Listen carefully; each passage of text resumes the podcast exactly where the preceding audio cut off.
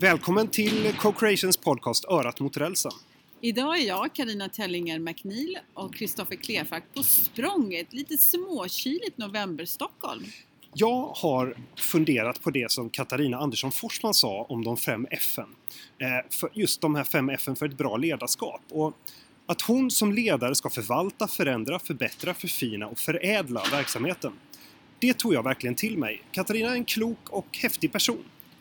Ja, nu kanske ni funderar, vad, vad, handlar det här om? Jo, om ni inte har lyssnat på podcasten med Katarina Andersson Forsman, då tycker jag, gör det! Förresten, lyssna på alla våra podcasts som vi har gjort sedan tidigare. Alltså det finns så mycket intressant och trevligt att lyssna på där. Ja, absolut. Och vi går här nu och minns lite grann juli och Almedalsveckan när vi pratade om framtidens vård. Allt som kommer kunna gå att göra med tekniksprånget som vi har framför oss. Ja, det var verkligen massor med intressanta diskussioner och föredrag som hände där. Allt från landstingen och regionernas arbete med framtidens vårdinformationssystem till nya hälsoföretag som enbart finns på nätet. Och sen alla nya sensorer, tillbehör och devices från olika leverantörer. Ja, och precis allt det där har vi faktiskt möjlighet att diskutera idag för vi är nu på väg till Swedish Medtech. Eh, och nu ska vi strax gå in men innan dess, vad är det den här podcasten egentligen handlar om Karina? Örat mot rälsen, det är en podcast från konsultfirman Co-Creation Health Group där vi diskuterar det senaste inom e-hälsa, läkemedel och massa annat vi tycker är kul att prata om. Och för varje podcast gör vi det tillsammans med en ny, spännande och trevlig person. Absolut. Och nu, nu går vi in va Karina? Ja, nu går vi in. Ja, det gör vi. Hej Anna Lefebvre Sköldebrand. Vad kul att vi får komma hit idag. Jätteroligt att ha er här. Tackar. Så, ja, vad, vad har hänt den här veckan så här långt? Ja, jag har faktiskt precis kan man säga landat från Düsseldorf. Mm -hmm. eh, har varit där måndag till onsdag för att det är en stor medicinteknisk mässa. Jag skulle tro kanske den största i världen, mm -hmm. Medica. Eh, som går av stapeln. Och jag har varit där och eh, tillsammans med Business Sweden och de små svenska företag som de har tagit dit för att visa upp i monter. Och det var jätteroligt. Det är en fantastisk tillställning. Men jobbigt för benen kan jag säga. Ja, det är mycket stå och gå. mycket stå och gå. Ja. Anna, du är VD för Swedish Medtech. Jag tänkte bara att vi kunde börja med att prata, vem, vad är Swedish Medtech och hur arbetar ni och vilka är era medlemmar och vad är en typisk medlem för er? Och eh, ja, vi börjar med dem. Börjar med dem. Mm. Men Swedish Medtech är en branschorganisation eh, och det betyder att vi är en organisation som ägs av våra medlemmar. Vi har idag lite drygt 170 företag som äger oss eh, och det är alltifrån ganska stora eller jättestora. Eh, det största svenska företaget är Getinge. Mm. Internationellt sett så är det väl kanske Medtronic som börjar på att vara störst. Till, ner till små enmansföretag som eh, medlemmar. Eh, och våra medlemmar det är de som säljer medicinteknik på svenska marknaden. Och i medicinteknik så ingår allt. Medicinteknik är ett jättebrett begrepp. Så det ingår allt från kan man säga kanyler och sprutor till MR-kameror, eh, rullstolar eh, och även till exempel elektroniska journalsystem. Mm -hmm. Det finns ungefär 700 000 eh, medicintekniska produkter på marknaden. Och då när du frågar vilken är vår typiska medlem så är det ju väldigt svårt att svara på den frågan. För våra medlemmar de skiljer sig ganska mycket åt. Eh, men man kan säga att det som de har gemensamt är ju att de jobbar för att eh, en patient, en anhörig, vårdpersonal, att, att alla de ska få det bättre, få bättre förutsättningar. Eh. Så vad är, vad är ert mål? Vad är Swedish Medtechs mål? Och vad, för, vad, är, vad förväntar sig medlemmar att ni ska jobba för att mm. uppnå? Vi har en vision som säger att vi vill att Sverige ska vara ett attraktivt land för medicintekniska företag att verka i och att företagen då ska med sina värdebaserade lösningar bidra till en patientsäker och hållbar vård och omsorg. Mm. Så, så säger visionen. Så snyggt paketerat. Ja.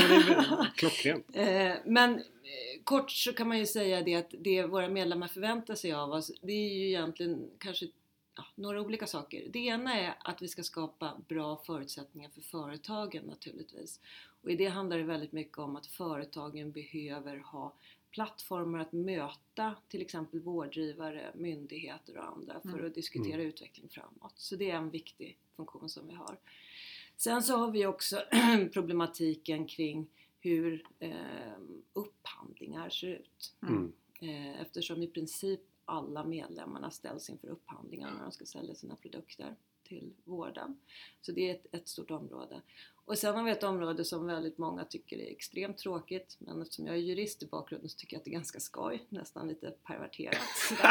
Eh, det är regelverksfrågorna. Ja. Eh, och det finns ett regelverk som avgör vad man måste göra för att få sätta en produkt på marknaden. Mm. Eh, och det här är ju jätteviktigt och eh, ganska i delar komplicerat men grunden för att företagen överhuvudtaget ska få verka i Sverige.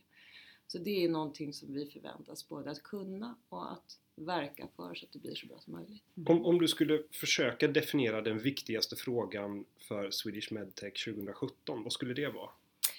Den absolut viktigaste frågan för våra medlemmar det är introduktion och implementation av innovationer i vården. Mm. Eh, för att det som vi har sett, eh, om man går tillbaks lite i historien så har Sverige varit ett ofta ett pionjärland, ett land som har varit väldigt tidigt på att ta upp ny teknik, använda teknik och också att mm, vi har haft väldigt mycket innovationer som har tagits fram i Sverige i samverkan mellan företag och kliniker, patienter Mm. och även universitet. Men det har inte riktigt sett ut på det sättet. Alltså det har varit en trend under ganska många år där man har blivit mer och mer eh, skeptisk till att ta in nya produkter. Både för att man tycker att det kanske är för dyrt eh, och, men också att man då säger att, att vi som vård i Sverige har inte ett ansvar för att, så att säga, hjälpa in nya produkter på marknaden. Men sen är det också arbetsbelastning ibland som gör att man inte kan ta ett kliv liksom. Ja men precis, att, att man inte har tid för just verksamhetsutvecklingsperspektivet Mm. som ofta medicinteknik är. Mm. Men vi är ju helt övertygade om att både för vården, eh, för företag men framförallt för patienterna så handlar det ju om att vi måste ha en vård som utvecklas eh, och, och som har kapacitet att klara av att ta upp innovationer och en organisation som gör att man faktiskt kan nyttiggöra dem så att i slutändan patienten får nytta av det här. Mm. Så det är vår absolut viktigaste fråga. Mm. I, I Swedish Medtech så är ju medlemmar som du sa både små och stora och de är ju många gånger konkurrenter till varandra. Hur balanserar ni de här olika företagens intressen i samma branschorganisation? Det här är ju alltid en intrikat frågeställning. För att det man kan börja säga är att generellt sett så är det ofta de stora företagen som har resurser att arbeta aktivt i en branschorganisation. Mindre företagen har ofta kanske inte riktigt lika mycket tid att vara med på aktiviteter och så. Mm. Eh, så att det är viktigt för oss som organisation att se till att man hela tiden försöker tänka både utifrån naturligtvis storföretagsperspektiv men framförallt från små och medelstora företagens perspektiv. Mm. Eh, sen så ska man säga att skillnaderna är inte alltid så stora som man tror mellan vilka behoven finns för företagen. Och det som har visat sig är att när man arbetar för de små företagen och för att, så att säga, skapa bra förutsättningar för dem så är det något som även de stora företagen i slutändan har nytta av. Mm. Och jag tycker att det har utvecklats väldigt bra på det sättet att de stora företagen de har full förståelse för att vi ofta har en småföretagsagenda för det är bra för branschen överhuvudtaget. Ja. Regeringen föreslår för budgetpropositionen 2017 att höja anslagen för forskning och innovation. Och man uppskattar det till cirka 400 miljoner eh, kommer användas för medicinsk forskning just. Eh, vilka förväntningar har ni på detta? Ja, det, alltså det är ju alltid roligt när man gör satsningar på områden som ligger nära våra företag. Eh, och vi har, vi har en hel del förväntningar och förhoppningar. Och det första man kan säga det är att vi hoppas ju att de här anslagen eh, ska användas också för om man säger, tillämpad forskning eller patientnära forskning. Okej. Vad, vad, är, vad skulle det annars vara? Menar du? Eh, Anna, om vi pratar mer grundforskning, forska på molekyler till exempel. Mm. Eh, och, och det innebär också att vi ser att det är väldigt viktigt att när de här pengarna fördelas att man har en förväntansbild på att det ska ske i samverkan med till exempel industrin eller näringslivet. För att vi tror att det är absolut nödvändigt för att man ska få bra resultat. Och det är också så att näringslivet är den bästa kanalen sen för att få spridning på de resultat som man får fram. För att det finns en väldigt naturlig drivkraft hos företag att försöka sprida de goda resultaten. Mm. Det är någonting som, som jag ser väldigt, väldigt viktigt. Sen hoppas ju vi att man ska göra satsningar på strategiskt viktiga områden för Sverige. Eh, och där medicintekniken eh, har pekats ut som ett sådant område i den mm. här. Vinnova-satsningen. Och vi hoppas ju också att Vinnova ska få mer pengar att använda för de här strategiska eh, innovationsområdena och därmed medicinteknikområdet. Mm. Skulle du säga att nyckeln till framtidens hälso och sjukvård och en motor för regional tillväxt det är lika med medicinteknik? Kanske det var en ledande fråga. Ledande fråga. du kan i alla fall kommentera Ja, jag tyckte, jag tyckte väldigt mycket om den frågan. Jag skulle vilja att fler formulerar det på det sättet. Nej men eh, absolut, det man kan säga är att medicintekniken har ju en möjlighet att faktiskt vara en lösning på många av de utmaningar vi står inför. Mm. Det vill säga när vi pratar om att vi har en åldrande befolkning, vi har ökande förväntningar, krav på vård och omsorg eh, samtidigt som vi har kanske färre och färre som arbetar eh, inom vård och omsorg. Hur ska vi lösa det här? Och det är medicintekniken som kan lösa de här delarna och skapa egentligen vettiga förutsättningar för de som arbetar inom området att, att göra ett bra jobb. Och det är också så att det som är roligt med medicinteknik och medicinteknikföretag är att väldigt många av de här företagen är små regionala företag. Mm. Eh, eh, som, det är personer som brinner för en idé. Ganska ofta kan det vara antingen en, någon som har jobbat i vården eller jobbar i vården eller en patient eller en anhörig som har sett mm. ett behov och har tagit fram en lösning och, och, där man brinner för det här. Och just att nyttiggöra alla de här goda idéerna som de här små företagen har, alltså det är ju en enorm kraft i det. Mm. Ja. Och det gäller ju att liksom ta tillvara den innovation som finns. Ja. Eh, för att föda det positiva feedbackloopen att om du hittar bra innovationer så ska det premieras. Liksom. Absolut, absolut. Det... Eh, I somras i Almedalen så eh, höll jag ett föredrag om framtidens hälso och sjukvård och omsorg. Och då diskuterade vi lite grann kring det här med sensorer och hur vi monitorerar, hur vi rör oss och hur vi sover och att eh, kanske i hemmet i framtiden kan finnas ett antal sensorer som mäter blodtryck och alla möjliga vitala parametrar. Och vi blir mer och mer uppkopplade och övervakade. Hur ska vi samtidigt balansera det här med den personliga integriteten? Ja, det där är en jätteintressant fråga. Mm. Eh, det, alltså det som man kan se nu eh, och som är väldigt intressant och det här tror jag, det pratas mycket om det i samhällsdebatten också. Det är att om vi ser hur personer faktiskt agerar ute på nätet, på Facebook eller mm. Patients Like Me eller andra. Så kan man se att människor är ofta Eh, väldigt öppna och delar mycket information som man kanske inte skulle ha förväntat sig att människorna skulle vara beredda att dela. Mm. Eh, jag vet även på Twitter så är många som har sin jogging-app uppkopplad som tweetar ut det senaste rundan och hur fort man sprang den. Det, det kanske inte är direkt medicinskt men, men man delar information som är väldigt personlig på ett helt annat sätt. Mm. Samtidigt så har vi en eh, integritetslagstiftning som är väldigt, väldigt stark och som ska vara väldigt, väldigt stark. För att det finns kraften i eh, den digitalisering som har skett och som gör att information kan nå väldigt många väldigt snabbt på väldigt många olika sätt. Gör att, att eh, det kan vara väldigt känsligt med information som hamnar fel eller fel information som hamnar eh, på ställen där man inte vill att den ska finnas. Och här har vi ett enormt problem som är, jag skulle säga, både ett juridiskt problem. Vi har ett regelverk som gör att idag är det väldigt svårt att faktiskt använda information för att ens skapa riktigt bra patientsäkerhet i Sverige. Alltså att få information mellan kommuner och landsting till exempel. Det finns hinder bara där, där man kräver samtycke som är svåra mm. att få till i många fall. Mm.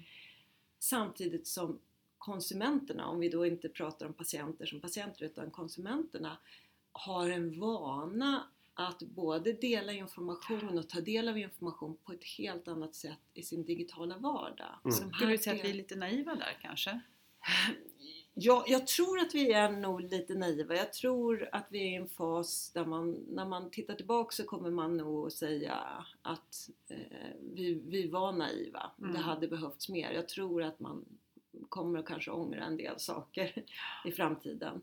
Men samtidigt så, så gäller det ju nu att hitta en väg i det här där vi verkligen kan nyttiggöra allt det bra som finns. För att det som är fascinerande idag är att vi har så enormt mycket data. Och, Mm. menar, och som du säger, det växer hela tiden. Vi har fler och fler prylar som är uppkopplade och som kan ge Mm. relevant data. Enormt mycket data som vi kan omforma till information och kunskap om vi gör det på rätt sätt. Det gäller ju bara att det görs på rätt sätt och med goda intentioner och den risk som finns där, den måste vi hela tiden vara medvetna om. Men- Nej men absolut och jag kan tänka mig som patient så går man ju genom olika faser i sin eh, behandling eller sjukdomsperioder. Från kanske vara i chock och förnekelse nästan till att, att börja liksom eh, ja, acceptera. Ja. Och de där olika faserna kan göra att man reagerar ganska olika på hur mycket man, information man delar och, och Ja. nu med de sociala medier så, så kan det ju faktiskt vara så att man kanske i, i en viss fas när man inte är helt jag ska inte säga stabil men i alla fall Men eh, se bara på alla forum som, Ja. där det Ja, ja. diskuteras. Och det, jag tror att, att det man kommer ångrar sig lite sen. Ja, men och sen tror jag också att den typen av eh, diagnosspecifika forum kommer att öka. Där man Ja. kan liksom träffa precis Mm. eh, matchade personer runt om i ja. världen som har samma åkomma eller bekymmer. Men jag, tror, jag vill bara säga, jag tror att du har helt rätt. För jag tror att risken nu är att patienter, precis som du säger, i en chock eller efter en chockfas när man börjar acceptera så går man ut och är väldigt öppen för, Ja. det, för det är det naturliga. Och sen riskerar man då kanske som person att hamna i att vara sin diagnos och inte vara personen. Jag tror att det är en stor Ja, risk. det kanske skulle behövas någon, vad ska man säga, patient om informationsombudsman som hjälper mig. Eller Ja. får mig liksom, eller, ja, eller personal eller Mm. någon sån här att, man får hjälp och stöd i att inte kanske alla längre utlämna sig för mycket. För att man är i kanske en chockfas Mm. som gör att, att ehm, man blir väldigt sårbar också. Och det kan ju vara saker som man lägger ut som man sen funderar på varför gjorde jag det här? Ja, det sätter ett starkt avtryck. Ja. Det ser man Ja. i sociala medier. Ja, Eh, kära lyssnare, ni los- lyssnar alltså på Co-Creations podcast Örat mot rälsen och Co-Creation är ett eh, företag som jobbar med strategisk rådgivning inom läkemedel, e-hälsa och management. Eh, vi kommer ta en liten kort eh, rast här och eh, komma tillbaka alldeles strax.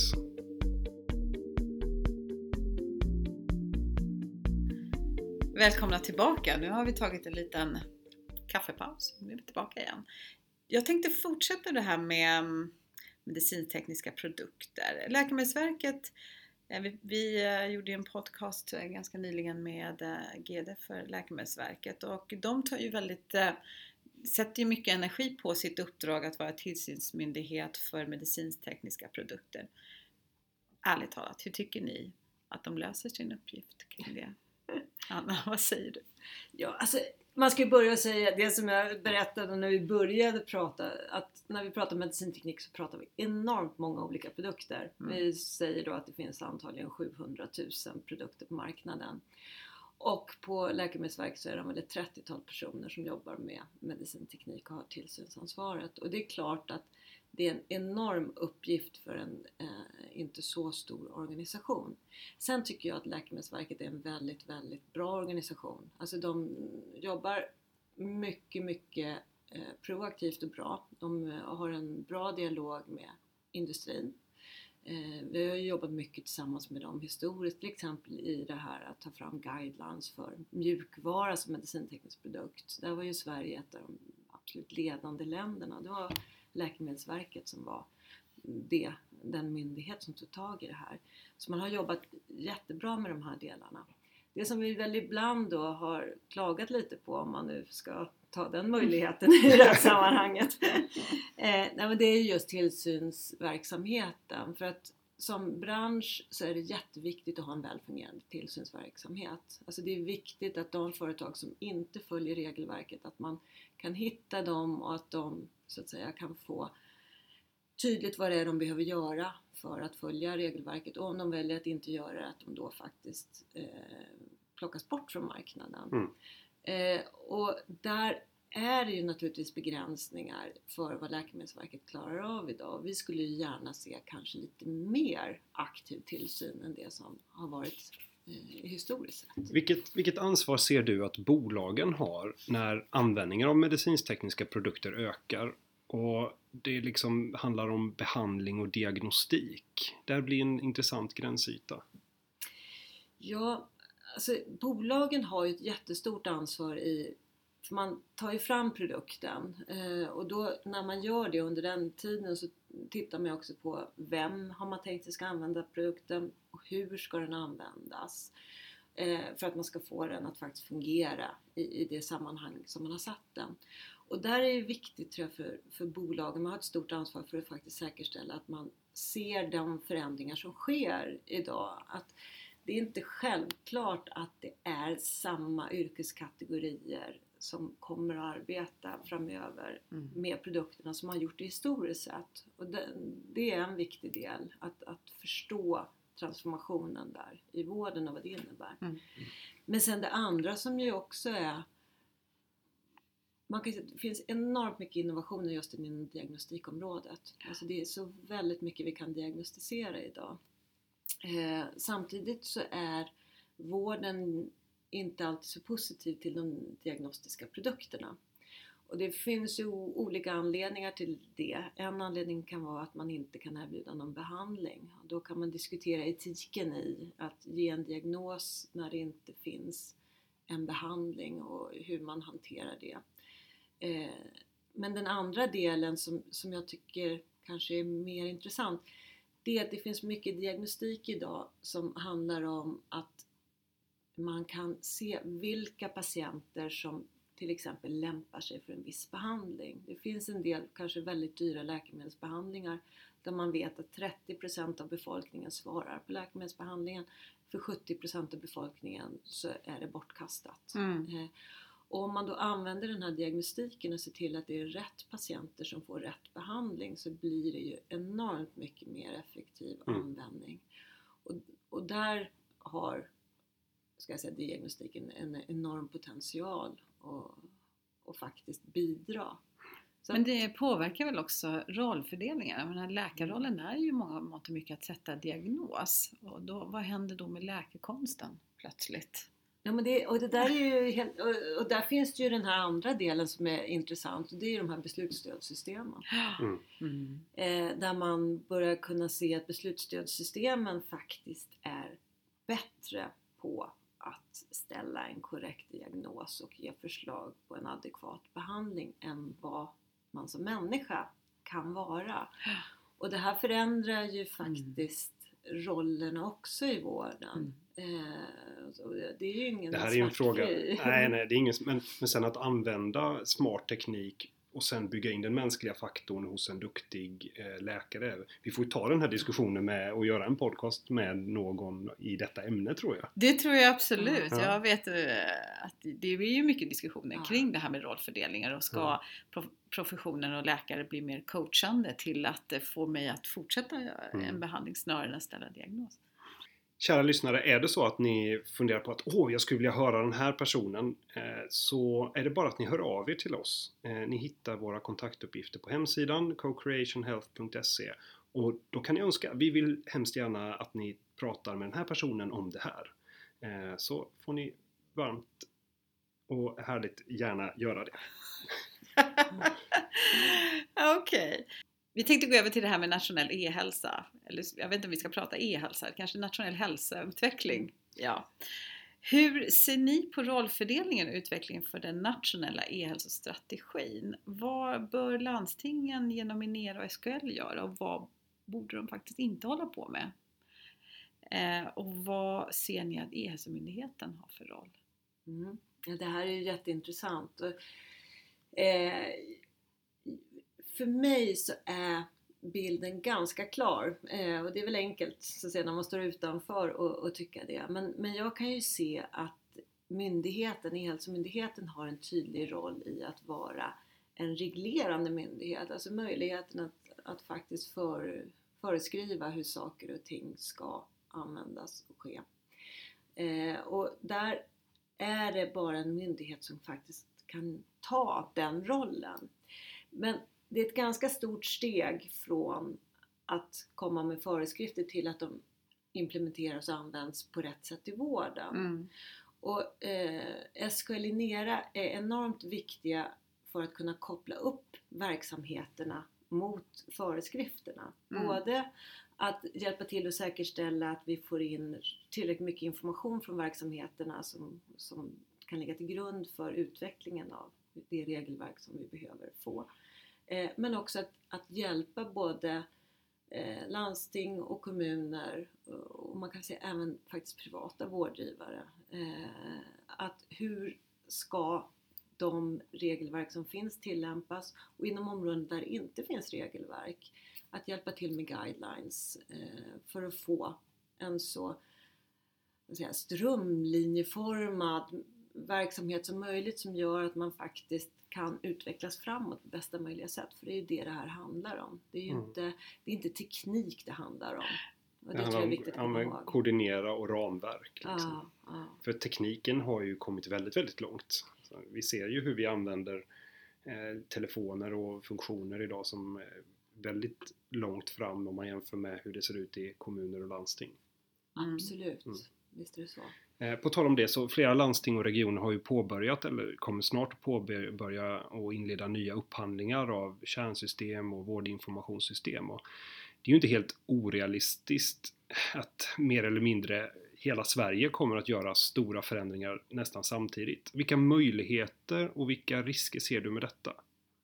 Ja, alltså möjligheterna är ju, den riktigt stora möjligheten är att nu kan vi göra saker rätt. Alltså vi har en möjlighet att faktiskt skapa eh, någonting som kan vara en grund för framtiden.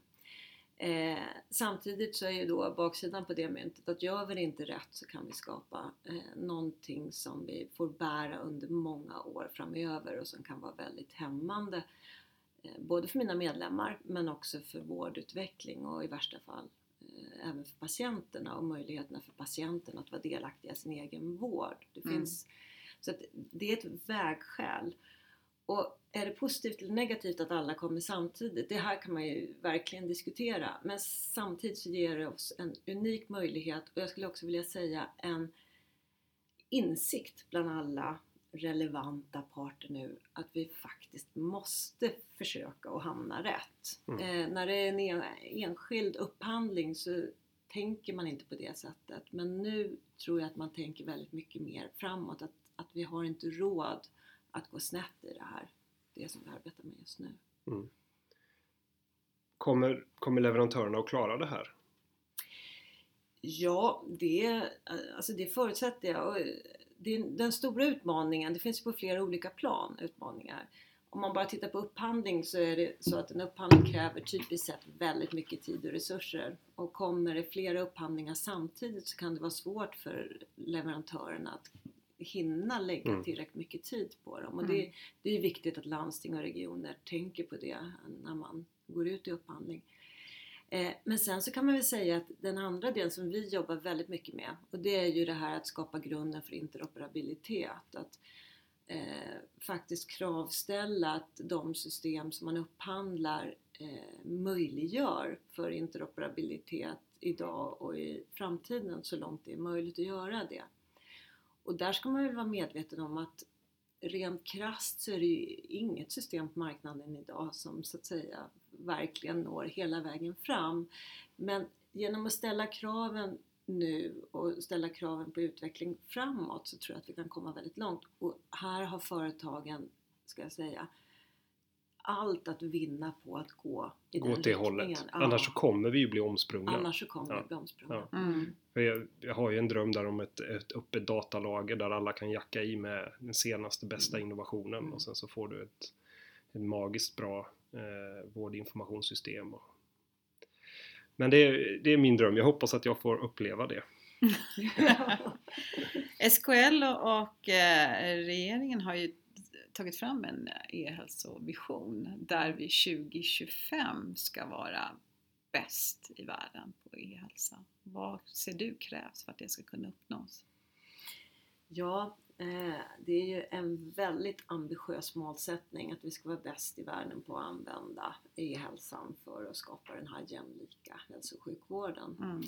Eh, och vad som krävs här, det är egentligen lite det som, som vi pratade om nyss. Att det krävs faktiskt en samordning, att vi alla parter eh, börjar gå åt samma håll. Och att vi ser att vi, vi har olika roller men vi vill samma sak. Och jag tror interoperabilitetsfrågan är kritisk. Den måste vi lösa för annars så kommer vi aldrig att nå dit. Mm. Eh, och då pratar vi teknisk interoperabilitet men vi pratar också den semantiska interoperabiliteten. Eh, och om, vi, om vi klarar det, då har vi goda förutsättningar att nå fram. Gör vi det inte, då tror jag att vi kommer 2025 och, och titta tillbaks eh, lite sorgset på vad vi har gjort under de här åren. Mm. Ja, eh, intressant och de här bitarna att diskutera och det ska bli väldigt spännande att följa. Men när man, när man träffar dig Anna så tänker man oj vad mycket energi du har. Eh, och nu kommer vi in på den här lite, lite personliga frågan sådär som vi alltid brukar ställa och det du har väldigt många uppdrag och du har, känner man en, bid, en, en vilja att bidra och förändra. Eh, och du har fyra barn. Eh, och hur får du hela det här livspusslet att gå ihop? Liksom?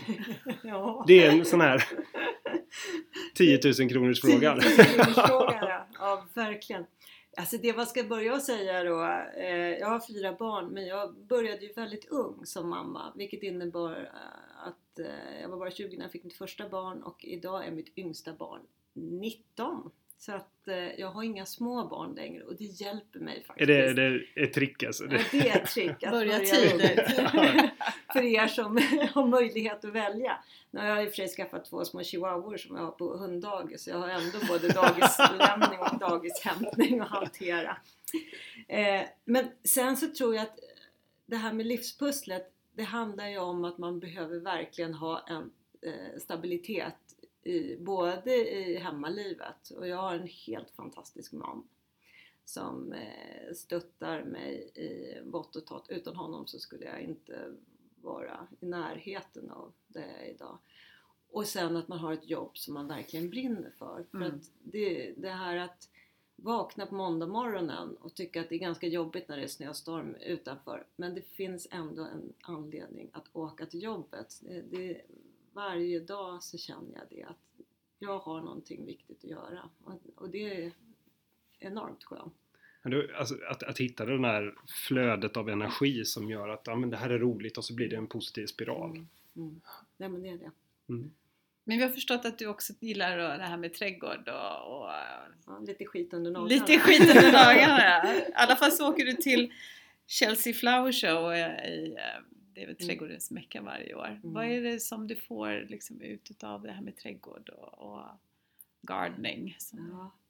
Jag tror att eh, mycket av det som man gör under arbetsdagarna det handlar ju om att sitta i möten, att diskutera väldigt strategiska frågeställningar och, och har man tur så kan man om några år se att det har hänt någonting i den här riktningen. Det går inte så vansinnigt fort i alla fall.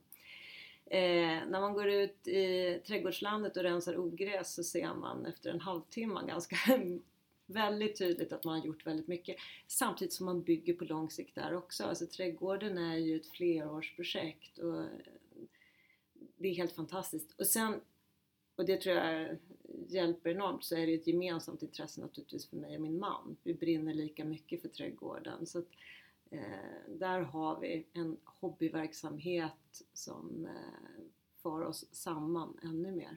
Mm. Och så att man liksom gör saker tillsammans och pysslar Ja. med något. Ja. Ja.